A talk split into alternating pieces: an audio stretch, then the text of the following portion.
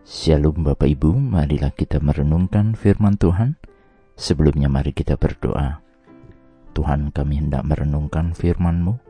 Roh Kudus pimpinlah kami. Di dalam Tuhan Yesus kami berdoa. Amin.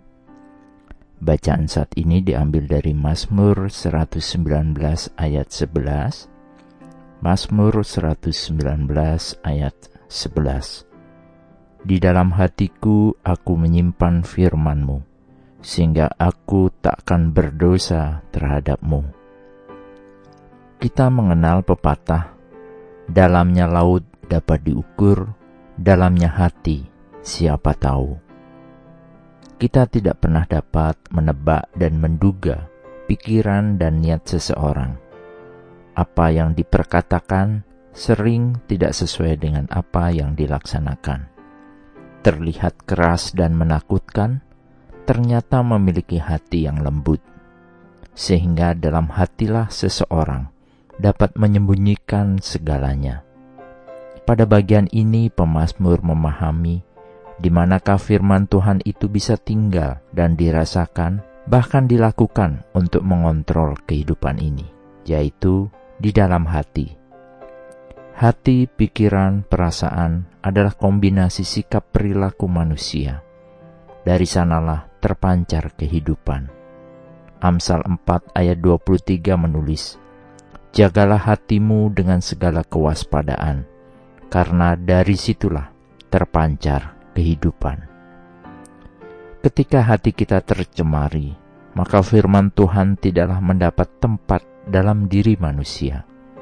Ingat, kemarahan dalam diri yang terjadi ibarat membakar hati kita ruang hati kita menjadi tidak tersisa.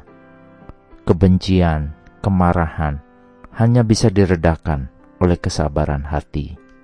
Bahkan nasihat yang tertulis dalam Kolose 3 ayat 12. Karena itu sebagai orang-orang pilihan Allah yang dikuduskan dan dikasihinya, kenakanlah belas kasihan, kemurahan, kerendahan hati, kelemah lembutan, dan kesabaran.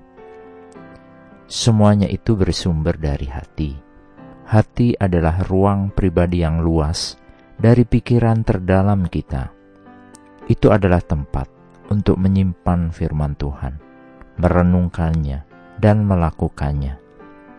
Tidak ada hal yang lebih bermanfaat daripada merenungkan firman Tuhan. Firman Tuhan merupakan makanan bagi jiwa penghibur bagi yang lelah dan menderita, dan tuntunan bagi umat yang percaya untuk hidup yang benar. Menyembunyikan firman di dalam hati kita adalah penangkal untuk melawan dosa dunia. Marilah kita menyembunyikan lebih banyak firman Tuhan jauh di dalam hati kita, karena kita ingin menjadi kudus, seperti Bapa kita yang di surga adalah kudus. Amin. Mari kita berdoa. Bapa Surgawi terima kasih atas firman-Mu dan pelajaran berharga yang dikandungnya.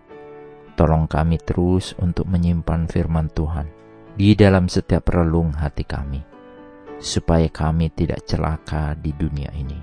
Mampukan kami untuk menjalani hidup yang menyenangkan hati Tuhan, dan ajari kami selalu firman-Mu, agar hidup kami tidak tersesat. Di dalam nama Tuhan Yesus, kami berdoa dan memohon. Amin. Tuhan Yesus memberkati. Shalom.